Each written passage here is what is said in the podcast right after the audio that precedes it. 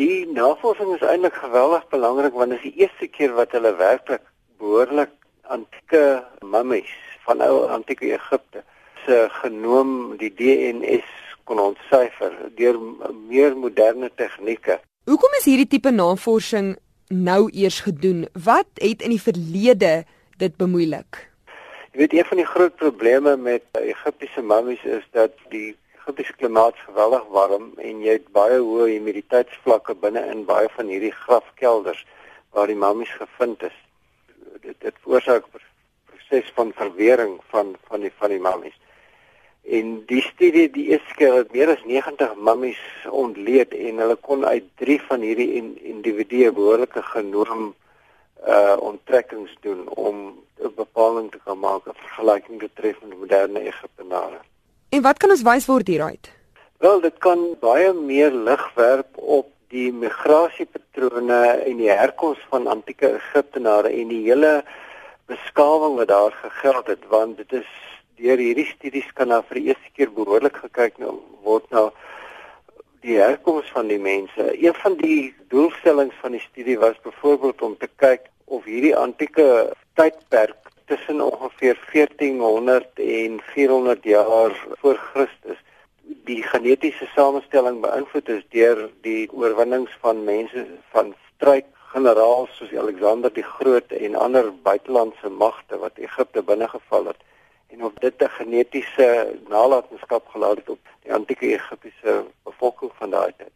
En die studie het gevind nee, dit het nie eintlik nie. Dit was redelik staties, maar baie interessante bevinding van die studie was dat die moderne Egiptenare deel ongeveer 8% meer van hulle genoom herkoms met Sub-Sahara Afrika bevolkings as met die antieke Egiptenare. Maar waarop dui dit spesifiek? Dit dui daarop dat dat, dat daar baie duidelike beweging ongeveer 1500 jaar gelede plaasgevind het uit Sub-Sahara Afrika binne in Egipte in.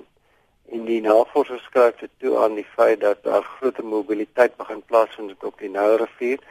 Daar begin handel plaasvind tussen Sub-Sahara Afrika en Egipte en uh, veral ook die Trans-Sahara uh, slawe uh, handel wat begin plaasvind ongeveer 1300 jaar gelede.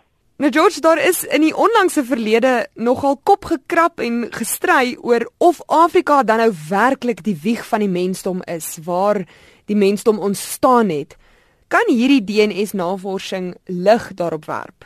Ja, dit kan in 'n groot mate feit bly staan is daar was voorheen baie groot skeptisisme oor die moontlikheid om behoorlike DNA-ontledings te kan doen uit Egiptiese mummies uit en hierdie studie het dit nou uh, danksy nuwe tegnieke 'n hele nuwe kanaal oopgemaak om nuwe inligting te kry oor hoe daardie samelewings geleef het, wat se invloede van ander bevolkings plaasgevind het en hoekom was die Egiptiese samelewing so gevorderd vir hulle tyd? Wat se invloede het ingewerk uh, op hulle genoom? Dit is 'n baie belangrike studie wat gedoen is deur verskillende Europese universiteite, Universiteit van Tübingen, uh, Cambridge Universiteit, die Max Planck Instituut. Hulle was almal betrokke by hierdie navorsing.